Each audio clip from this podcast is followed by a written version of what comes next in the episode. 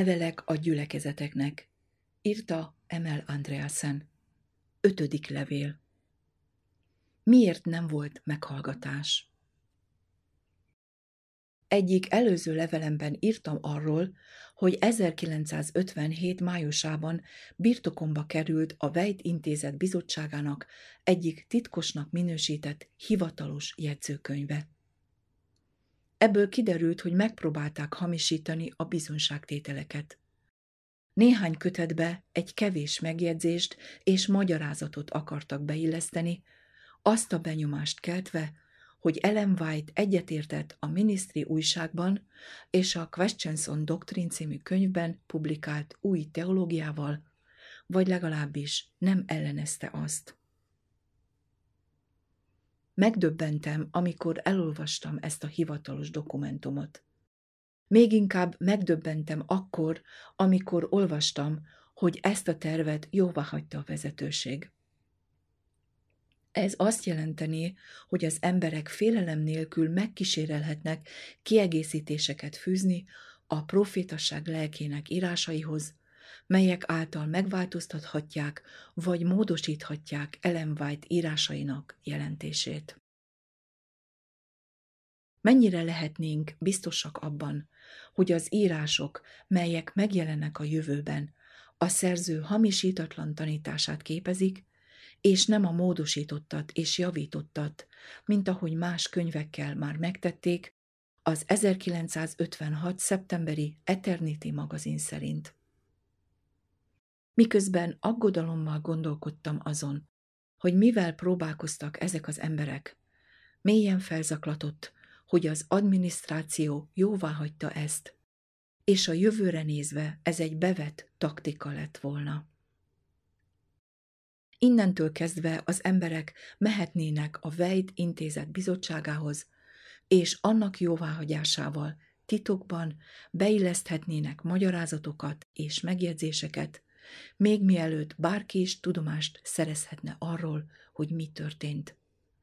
Ezt nyugodt szívvel megtehetnék, azzal a biztosítékkal, hogyha valaki megtudja és közli, hogy mi történt, az adminisztráció beszélni fog vele, megfenyegetik őt, amíg meg nem szünteti a tevékenységét.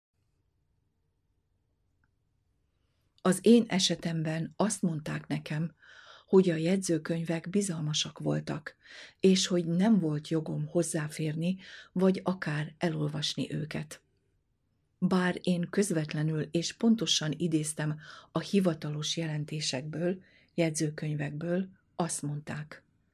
Ön mindezt plegykák alapján tette, valamint a bizalmas jegyzőkönyvek alapján, amelyeket nem lett volna joga elolvasni. 1957. decemberi levél. Annak ellenére, hogy ezek az emberek be akartak illeszteni jegyzeteket, magyarázatokat, jegyzetfüggelékeket, lábjegyzeteket, kedvező megjegyzéseket Ellen White írásainak jövőbeli kiadásaiba. Vegyék figyelembe, hogy ezek a kifejezések többes számúak. Az elnök minimalizálta a problémát, és az 1957. szeptember 20-án kelt levelében kijelenti, hogy mindez egy oldal aljára beillesztett hivatkozás lett volna Ellen White egyik könyvében. De ez teljes mértékben ellentmond a hivatalos jegyzőkönyvnek. Hogyan magyarázható ez az ellentmondás?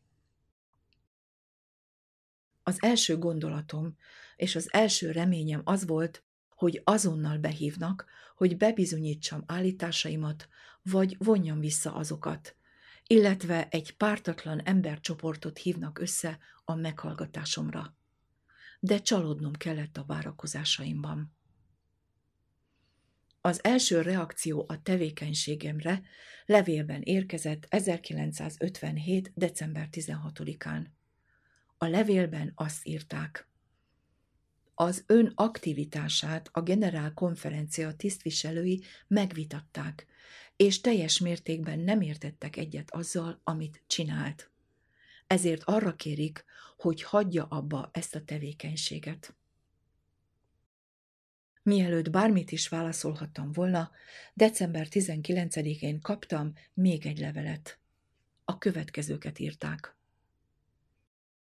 Szeretném megismételni azt, amit korábban írtam, hogy az embereknek megvan minden joguk bizottságokba menni, ideértve a Vejt intézetet is, és javaslatokat tenni anélkül, hogy büntetéstől féljenek, vagy hogy eretneknek tartsák őket. Ha belegondolunk, hogy ezt plegykák alapján tette, valamint a bizalmas jegyzőkönyvek alapján, amit nem volt joga elolvasni, úgy tűnik, nem úgy cselekedett, mint egy igazi adventista. Nem vett részt azokon a tanácskozásokon, és minden, amit tud róla, az plegyka, és rövid feljegyzések, amit az ülés titkára írt. Nos, tovább folytatni és terjeszteni egy ilyen témát nem egy irigylésre méltó fénybe helyezi önt. Ha ön ezt teszi, mi is el fogunk terjeszteni valamit. Ha ezt megtesszük, akkor ez ismét szembe helyezi önt az egyházzal, és minden bizonyal problémákat okozhat az egyházzal való kapcsolatában. Mindezt figyelembe véve, a tisztviselők, akikről korábban írtam, komolyan kérik, hogy hagyja abba ezt a tevékenységet. Mint láthatják, nem javasoltak meghallgatást annak megállapítására, hogy vágyaim megalapozottak vagy sem. Egyszerűen figyelmeztettek, hogy hagyjam abba a tevékenységemet. Hogyan reagáltam? Mint bárki, akit megfenyegetnek. Azt írtam, hogy békés ember vagyok, és meg lehetett volna engem győzni, de nem fenyegetni. Megkértem őket, hogy kövessék tervüket. Készen álltam bármire, ami jönni fog. Mi következett? Végül is nem tudtam, hogy mit jelent az egyházi kapcsolatom. Ez bármit jelenthet. Megtudtam, mit ígértek Barnhausnak arról, hogyha valaki ellenzi a hatalmukat. Íme Mit mondott Barnhouse? Az adventisták álláspontja legalábbis néhányuk számára új álláspontnak számít, de a bölcsvezetés által képviselt többség álláspontja lehet az, hogy eltökélt abban, hogy megfékezze azokat a tagokat, akik a felekezetért felelős vezetés véleményétől eltérő véleményt támogatnak. Eternity 1956. szeptember 1 Sajnálatos, hogy vezetőink ilyent ígértek az evangélikáloknak. Ezt a kijelentést ezelőtt három évvel publikálták. A vezetőinket figyelmeztették a cikről, és arra kérték, hogy cáfolják meg ezt a szándékot. De nem cáfolták meg, nem tiltakoztak semmilyen módon, Népünk pedig némi bosszúsággal megértette, hogy dr. Banhaus állítása az egyházunk vezetőiről helyes. Adjuk hozzá ehhez Martin úr beszámolóját, miszerint a vezetők azt mondták neki. Sorainkban is vannak néhányan szélsőségesek, mint ahogy mindenütt vannak felelőtlenek az alapvető kereszténység bármely szegmensében. A vezetőink mindezt akkor mondták el az evangélikáloknak, amikor Krisztus emberi természetéről beszéltek velük. Ezeket az állításokat sértésnek tartom. Megmutatja vezetőink megvetését azokkal szemben, akik nem egyeznek véleményükkel. Úgy gondolom, hogy ezek a kijelentések súlyos vádat jelentenek. Népünk türelmes, de ez az első alkalom, amikor az egyházvezetőink inzultálják az adventista hívőket. Rövid találkozó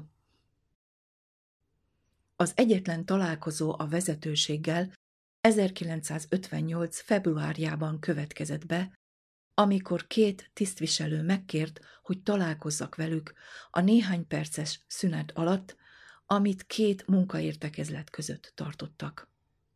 Úgy tűnt, a fő kívánságuk az, hogy megtudják, folytatom-e a tevékenységemet. Mondtam nekik, hogy ez a szándékom. Azt kérdezték, hogy miért nem kértem egy meghallgatást. Soha nem gondoltam arra, hogy meghallgatást kérjek. Arra számítottam, hogy meghívást kapok. De gondolkozva ezen, a következő napon azt írtam. Nem tudtam, hogy szeretnétek, hogy elmenjek Washingtonba egy meghallgatásra vagy beszélgetésre, mivel még soha nem említettétek. Ha ez a kívánságotok, kész vagyok elmenni. Csak egy kérésem van. A meghallgatás nyilvános legyen, vagy ha nem lehetséges, akkor legyen jelen egy írnok, és kapjak én is egy másolatot a jegyzőkönyvről. Levél részlet Február 10-én kelt levélben a következő választ kaptam. Az ön kívánságára a testvérek nem emeltek kifogást a beszélgetés felvételével kapcsolatban. Javasoljuk, hogy a szalagfelvétel lehet a legpraktikusabb módszer erre. Ez a javaslat nekem tetszett. Megjegyzem azonban, hogy nem említették, hogy kapnék másolatot a felvételről. Arra gondoltam, hogy ez valószínűleg magától értetődő, mivel ezt a feltételt kértem, és elfogadták a javaslatomat. De nyugtalan voltam. Ha újabb megerősítést kérnék, azt a benyomást keltem, hogy megkérdőjelezem őszintességüket. De mivel nem kaptam más levelet, február 21-én ezt írtam. Szándékosan vagy sem, de nem válaszoltak kérésemre, hogy a felvételről én is kaphassak egy példányt. Erre azért van szükség, mert minden megbeszélés során, ami elhangzik, vagy ami nem hangzik el, az én szavam lesz a tizenkét ember szavával szemben. Nem lehetek ilyen helyzetben. Csak akkor megyek, ha teljesítik ezt a feltételt. Erre február 27-én kaptam választ. A felvétellel kapcsolatban azt hiszem pontosítottuk a február 10-i levélben, hogy a testvérek szándékoznak magnó felvételt készíteni a találkozó beszélgetéséről. Ez teljes felvételt fog jelenteni arról, hogy mit beszélünk és teszünk. Feltételezzük, hogy elégedett lesz egy ilyen alapos felvétellel. A felvétel másolatát kértem, és ez a levél csak azt erősítette meg, hogy szallagos felvételt készítenek, amely teljes felvételt fog jelenteni arról, hogy mit beszélünk és teszünk. Feltételezték, hogy elégedett leszek egy ilyen alapos felvétellel. Legyen így. Végre biztosítékot kaptam arra, hogy teljes felvételt készítenek, és saját javaslatuk szerint magnó felvétel lesz. Nem is kérhettem többet. De mivel alaposan elolvastam a Questions on Doctrine-t, észrevettem, hogy néhány dolgot kijelentenek egyik oldalon, viszont csak néhány oldallal odébb semmibe veszik az előbbi kijelentéseket. Észben tartottam néhány kettős jelentéssel bíró kifejezést, ami bizonytalanságot okozott. Meg voltam győződve, hogy ezek közül néhány kifejezést arra használtak, hogy összezavarják és félrevezessék az olvasót. Ezért újra olvastam az elküldött és a kapott leveleket, különösen azokat a részeket, amelyek a felvétel másolatának megkapására irányuló kérésemre utaltak. Megállapítottam, hogy kérésemet sehol nem erősítették meg, és hogy megtárgyalását elkerülték. Ez meglepett. Vajon az a szándékuk, hogy ne adjanak másolatot a felvételről, miközben a levelek azt a benyomást keltik, hogy másolatot kapok? A bizonyítékok megerősítették a gyanumat.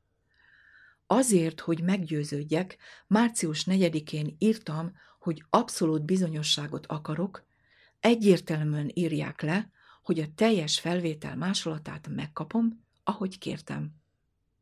Azzal fejeztem be, hogy ezen a ponton teljesen biztosnak kell lennem. Mivel semmi választ nem kaptam, Március 12-én újraírtam. Még mindig egyértelmű ígéretre várok, hogy nem csak egyetlen felvételt készítenek, hanem fogok kapni egy másolatot. Mint említettem az első levélben, ez alapvető feltétel. Március 18-án érkezett a válasz. Utalt arra a kérésére, hogy a felvételt, valamint egy másolatot őrizzünk meg. A tisztviselőkkel folytatott megbeszélés során a következő javaslat született, amely minden érdekelt fél számára korrektnek tűnik. A csoport kiválaszt egy titkárt, aki leírja a következtetéseket, amelyeket levonunk, azokat az egész csoport megszavazza, és a végén mindenki kap egy másolatot. Reméljük, Andrea Szentestvér, hogy ez a javaslat tetszeni fog önnek. Ez egy teljesen új és egészen más javaslat volt.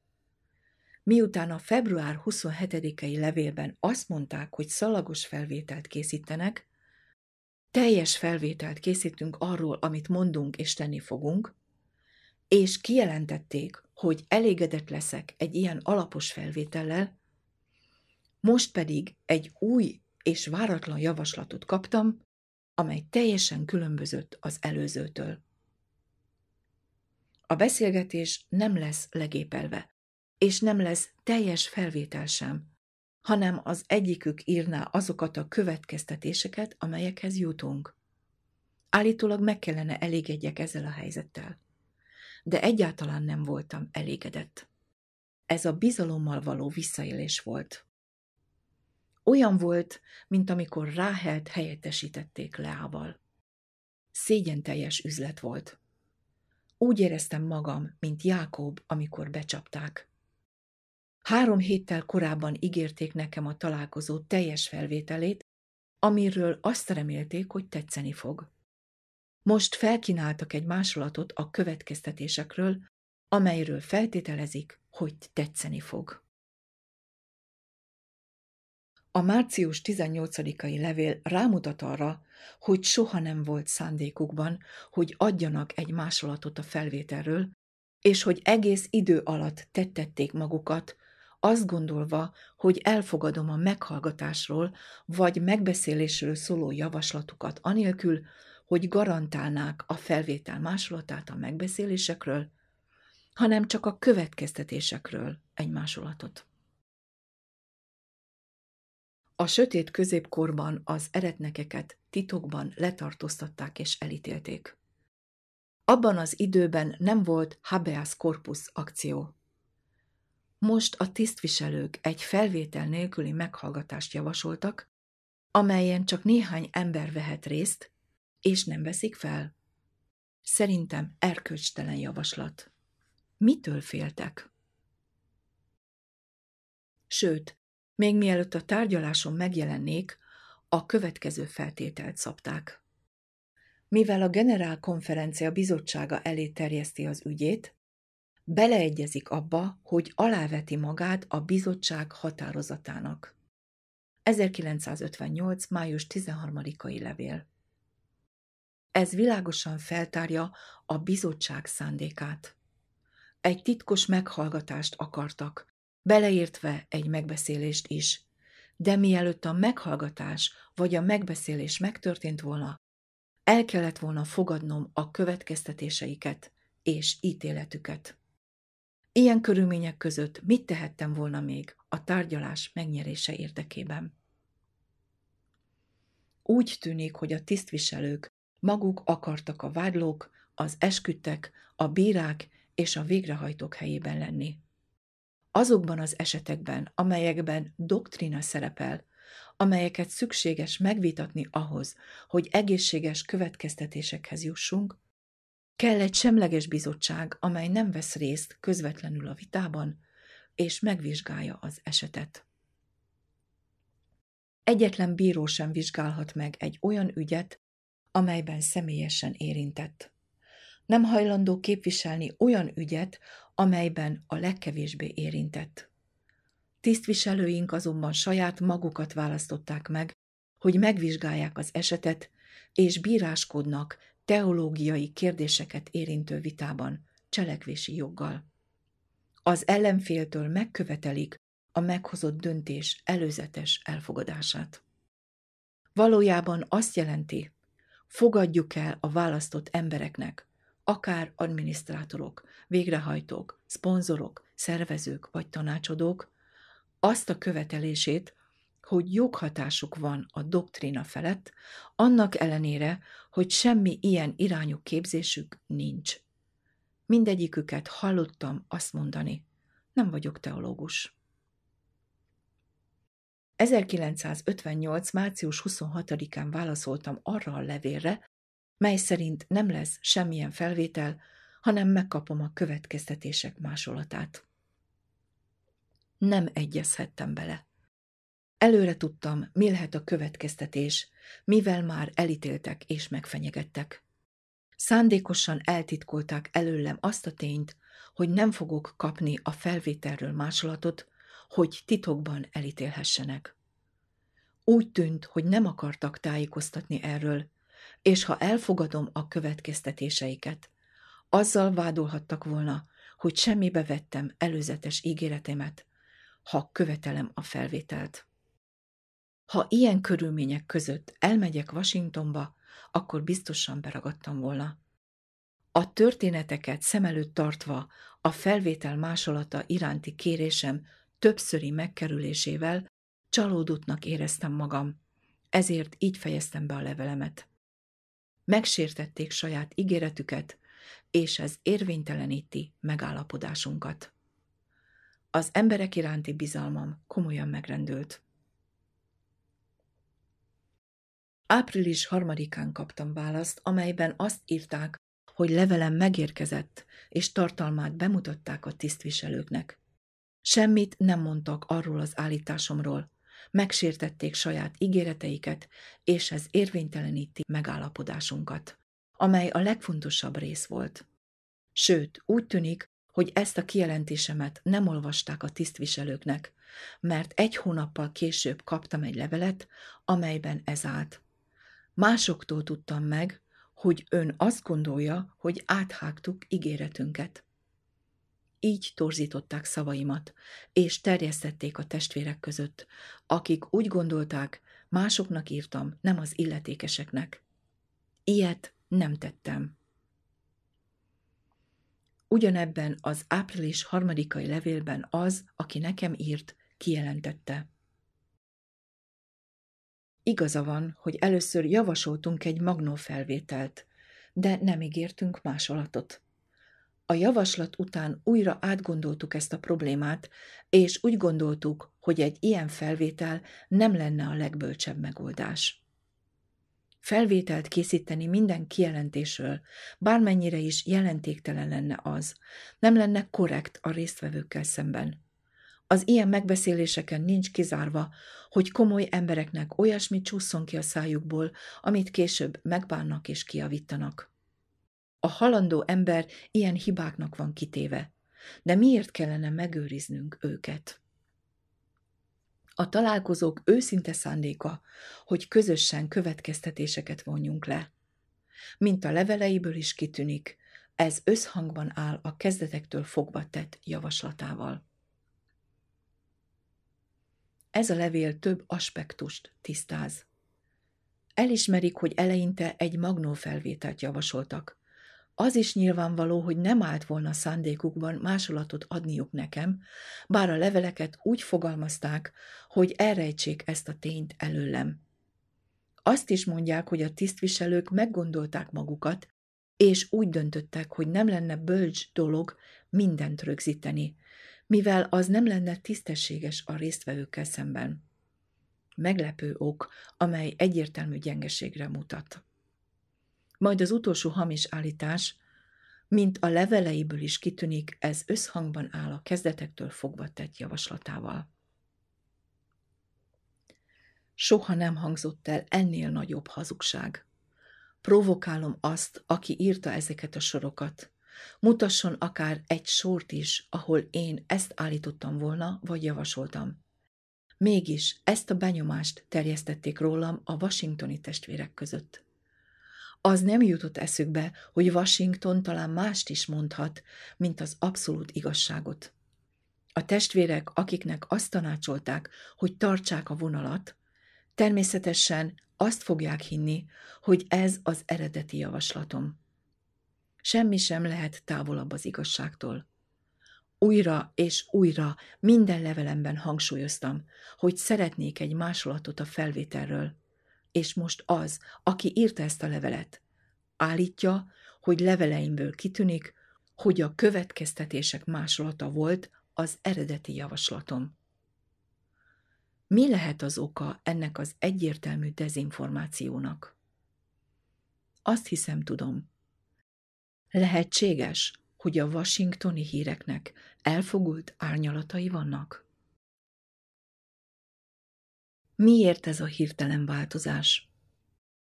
Több komoly oknak kell lenni, amiért hirtelen úgy döntöttek, hogy ne csináljanak semmilyen felvételt. Bár eleinte úgy döntöttek, hogy egy teljes felvételt készítenek mindenről, amit mondanak vagy csinálnak. Az 1888-as alfaválság tudósításainak nagy része eltűnt, és ami megmaradt, el van rejtve biztonságos helyre, nem publikus. Nem szeretnénk, hogy az omega válságban ugyanez megismétlődjön. Legyen világosság. Nem tudom, mi volt az oka ennek a változásnak, csak feltételezem. Tudták, hogy a tevékenységemet és az egyházzal való kapcsolatomat megvitatják. A testvérek azt feltételezték, hogy valószínűleg nekem is lesz néhány megvitatni való kérdésem. Valójában kérdéseim vannak. Készítettem egy listát is ezekről a témákról. Íme. Frum testvér cikkei, különösen azok, amelyek 1957. februárjában jelentek meg a minisztri újságban. Ellen White-ot semmibe vette. Anderson és Reed testvérek látogatása a levéltárban, hogy lábjegyzeteket csempészenek be Ellen White írásaiba, és az általános implikáció ebben a dologban. Az evangélikálokkal több száz órán át folytatott beszélgetések témáinak listája, és milyen fő következtetésekre jutottak. Martin úr ajánlása a kiavított és helyesbített könyvek részletes listája, valamint a jövőben javítandó könyvek listája. A 3000 dolláros per. Mit döntöttek a prozelitizmusról? A fékezni, szélsőségesek, felelőtlen radikálisok kifejezések jelentése. Az új egyetem és a külső missziómezők gyengesége. Pénzváltás. Komoly könyvvizsgáló cég végezzen egy teljes áttekintést. Nem küldtem el ezt a listát Washingtonnak, mert jól tudtam, hogy ez hónapokig eltarthat.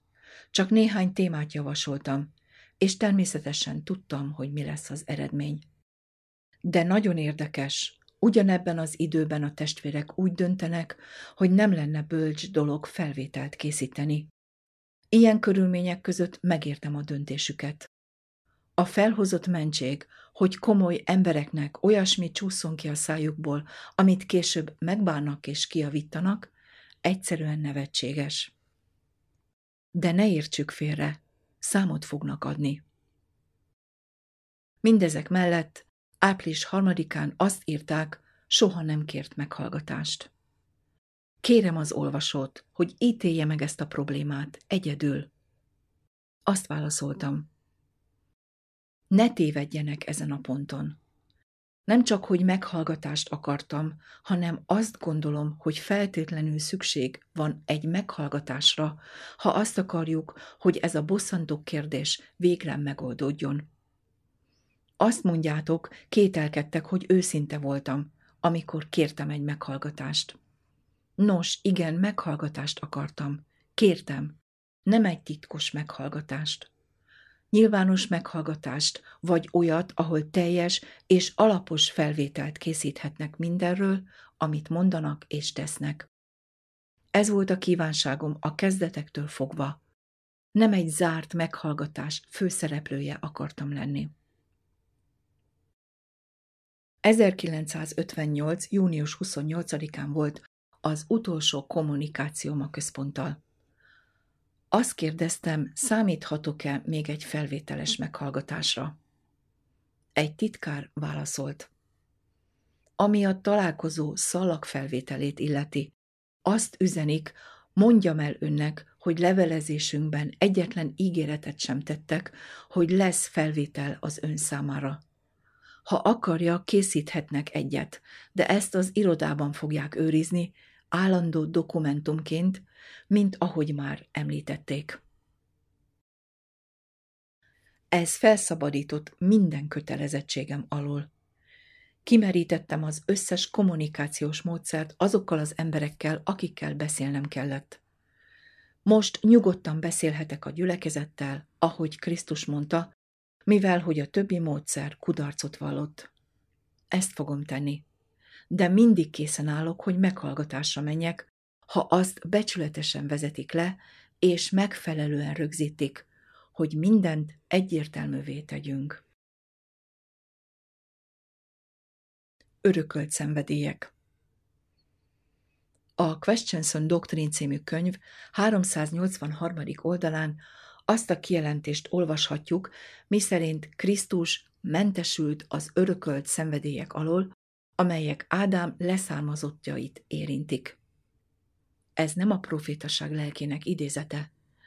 Ez egy új tanítás, amely soha nem jelent meg egyetlen hetednapi adventista egyház hivatalos kijelentésében sem, és ellentétben áll a korábbi doktrinális kijelentéseinkkel. Ezt az új tanítást fogadták el az egyik generál konferencia ülésen a világ minden tájáról összegyűlt akreditált küldöttek, a Questions on Doctrine harmadik oldalon leírt hivatalossá tevő eljárása szerint. Tehát ez nem egy jóváhagyott vagy elfogadott tanítás. Két állítás. A bizonyságtételekben van két állítás, amelyet használnak. Megpróbálják támogatni azt az elképzelést, hogy Krisztus mentes volt az örökletes szenvedélyektől. Az első idézet azt mondja, hogy Krisztus példaképünk mindenben. Ő testvérünk a gyengeségeinkben, de nincs alávetve a szenvedélyeknek. Bizonyságtételek második kötet. A másik állítás. Ő az ima erős embere volt, aki nem volt alávetve az elesett emberi természetünk szenvedélyeinek, de ugyanazokkal a gyengeségekkel nézett szembe, mindenben megkísértetett, mint mi. Bizonságtételek második kötet. Mindkét kijelentés megemlíti a szenvedélyeket, de egyikük sem említi a beszennyeződést, a romlott hajlamokat. A mentes szó sem jelenik meg. Ellen White azon állítása, hogy Krisztusnak nem voltak szenvedélyei, és nem volt alávetve a szenvedélyeknek, azt jelenti, hogy mentes volt tőlük? Nem, mert a szenvedélyek hiánya nem feltétlenül jelenti azt, hogy mentesülünk tőlük. Két teljesen különböző fogalom. Mentesnek lenni azt jelenti, hogy felmentenek vagy megszabadítanak egy nehéz, terhes kötelezettség alól. Felszabadított, megkímélt egy nehéz szabály alól, amelyet másoknak be kell tartaniuk, amely mások számára kötelező. Jézus mentesült olyan szabály alól, melyet mindenki másnak meg kell tartania, amely kötelező a többiekre nézve? Nem. Isten megengedte fiának, hogy tehetetlen csecsemőként jöhessen erre a világra, emberi gyengeségeknek alávetve, nem mentesülve tőlük. Isten megengedte neki, hogy szembenézzen az élet veszélyeivel, mint bármelyik ember, és harcoljon, mint az emberiség bármelyik gyermeke, az örökvereség és veszteség kockázatával. Jézus élete. Gyermekként úgy gondolkodott és beszélt, mint egy gyermek, de a bűnnek nyoma sem homályosította el benne Isten képmását. Mégis ő nem volt mentesítve a kísértés alól. Alá volt vetve, nem mentesítve minden konfliktusnak, melyekkel szembenézünk, mi minnyájan. Jézus élete. Isten az ő tulajdonfiának nem kedvezett. Róma 8.32 Senki emberfiának nem kellett szent életet élnie, és olyan heves harcot folytatnia a kísértés ellen, mint megváltónknak. Jézus élete. Mindig örködnie kellett, hogy megőrizze tisztaságát. Jézus élete.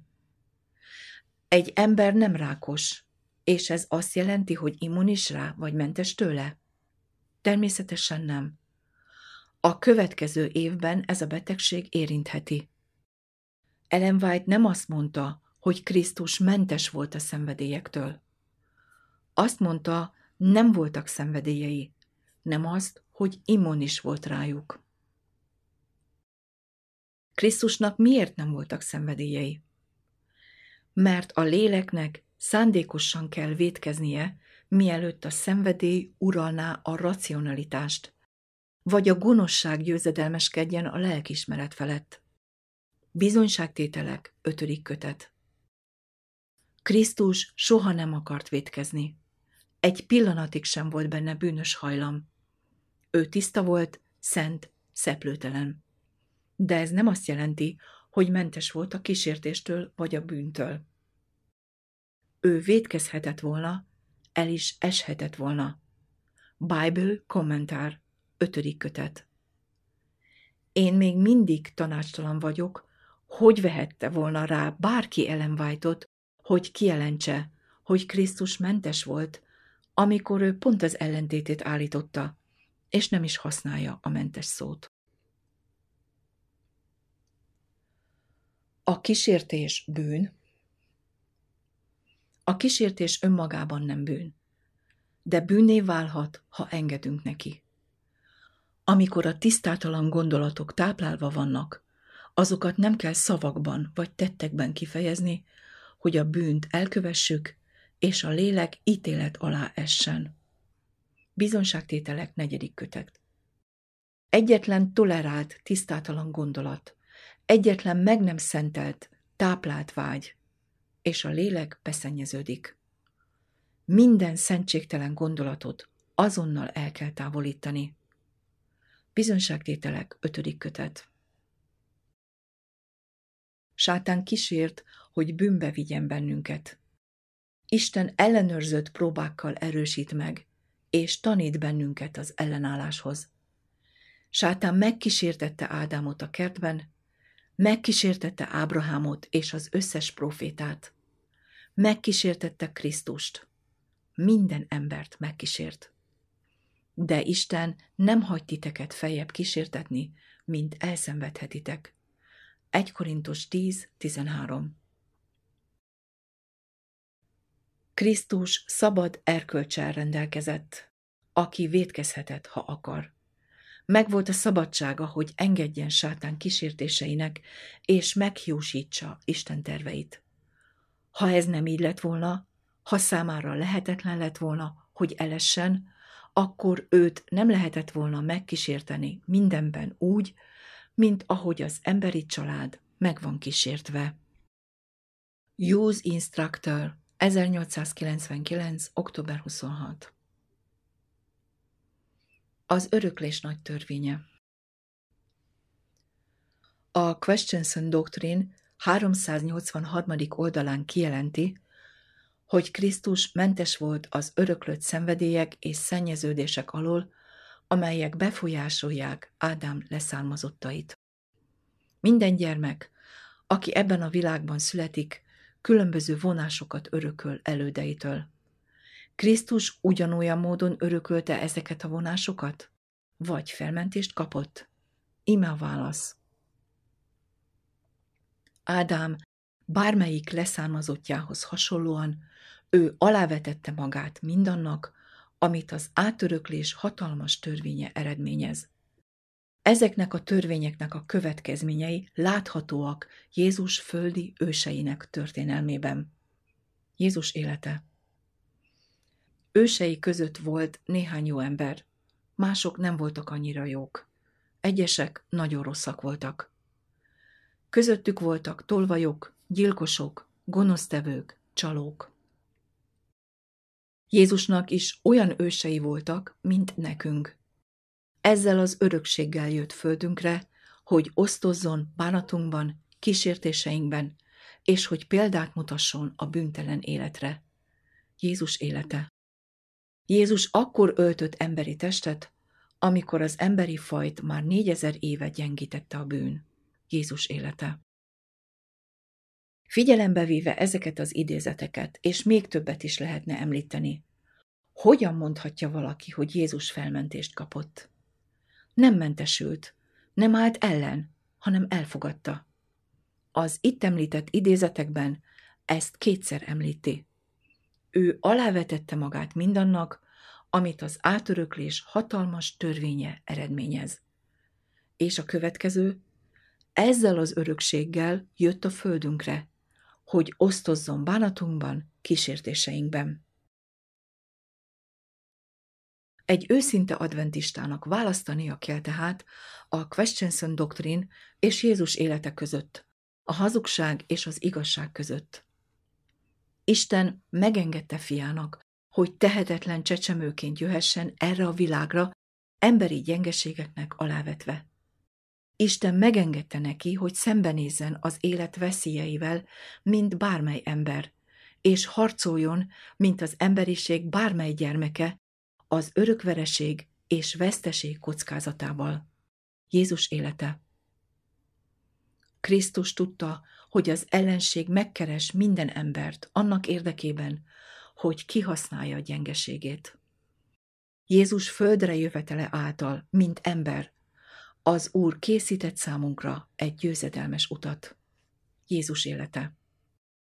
Ő rá, aki elhagyta dicsőségét és magára vette az emberiség gyengeségeit, épül az egész világ megváltása. Jézus élete.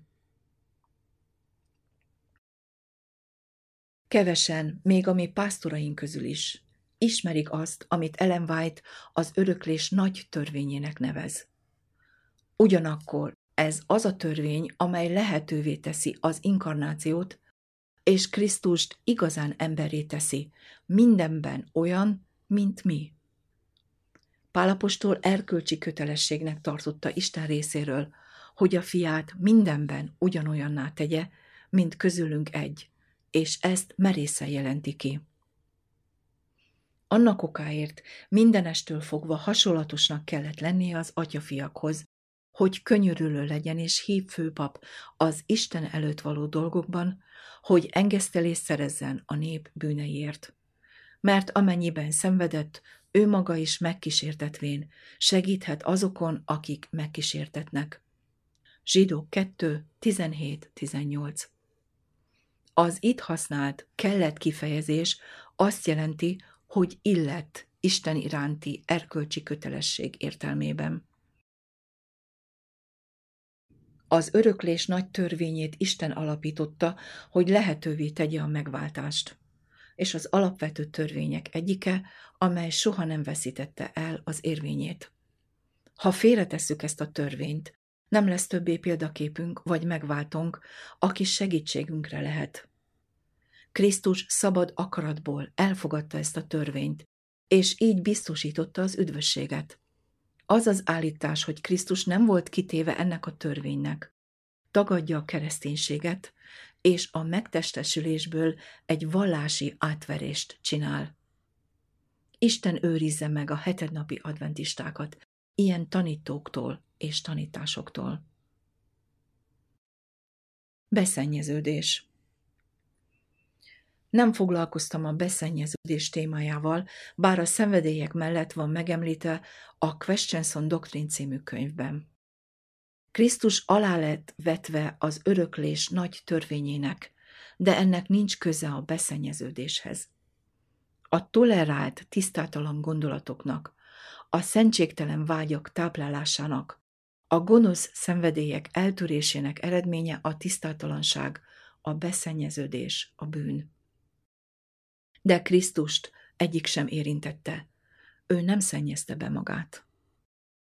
Jézus, amikor emberi testet öltött, nem szennyezte be magát. Jézus élete.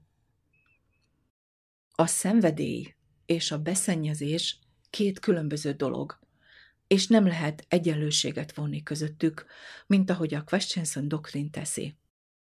A szenvedély összehasonlítható a kísértéssel, tehát nem bűn. Egy tisztátalan gondolat jöhet akár egy szent alkalommal, de ez nem szennyez be. Nem bűn mindaddig, amíg nem tolerálják és őrzik. Egy szentségtelen vágy hirtelen bevillanhat az elmében, amelyet sátán provokált, de nem bűn, amíg nincs táplálva. Az öröklődés törvénye a szenvedélyekre vonatkozik, de a beszennyezésre nem. Ha a beszennyezés örökletes lenne, akkor Krisztus beszennyeződött volna, amikor erre a földre jött, és ezért nem lehetett volna a szent, Lukás 1.35. Még egy hitetlen ember gyermeke is szentnek hivatik. Egy ilyen kijelentés vigasztalást fog jelenteni a feleségének. 1 Korintus 7.14 Adventistaként azonban nem hiszünk az eredendő bűnben. Erről a beszennyezésről sokat lehetne beszélni, de mindaddig, amíg az előttünk álló probléma csak a szenvedélyekről szól, nem beszélünk tovább a beszennyezésről. Egy másik alkalommal talán többet fogok mondani a szenvedélyekről, mivel úgy gondolom, hogy a Questionson Doctrine állítása egy halálos és romboló eretnekséget jelent az engesztelés tantétele számára. A következő levelem az utolsó lesz ebben a sorozatban. De ha az olvasó megnézi a tíz témakört, amit a levélben felsoroltam, látni fogja, hogy sok mindenről kell még beszélni. Ez a lista nem teljes. Amúgy időt fogok szakítani, hogy mélyítsem azt, amiről beszéltem, mert a nagy dolgok lassan mozognak, és időbe telik, hogy a tészta megkeljen. De az élesztő végzi a munkáját, és a megfelelő időben megjelenik a várt eredmény. De nem sietek. Az idő az igazság oldalán van. Az igazság a saját útját követi, és semmilyen emberi eszköztől nem függ. Sok bátorító levelet kaptam, és hálás vagyok érte. Ugyanakkor sajnálom, hogy nem tudtam válaszolni az összesre. Valaki, aki egy nagyon fontos pozícióban áll Washingtonban, írt nekem az ottani zavarról, mondván. Figyeljük az eseményeket, és amikor eljön az idő, készen állunk a cselekvésre.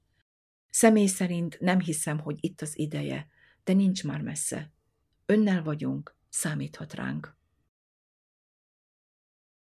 Örülök, hogy elmondhatom, hogy jó egészségben vagyok, és örülök az életnek. Csodálatos élni ezekben az időkben. Halhatatlan vagyok, amíg befejezem a munkát. Ez megtörténhet akár holnap is. Ha így lesz, elégedett vagyok, és készen állok. Köszöntöm minden barátomat. Egy Tesszalonika, 5. rész, 25. versével.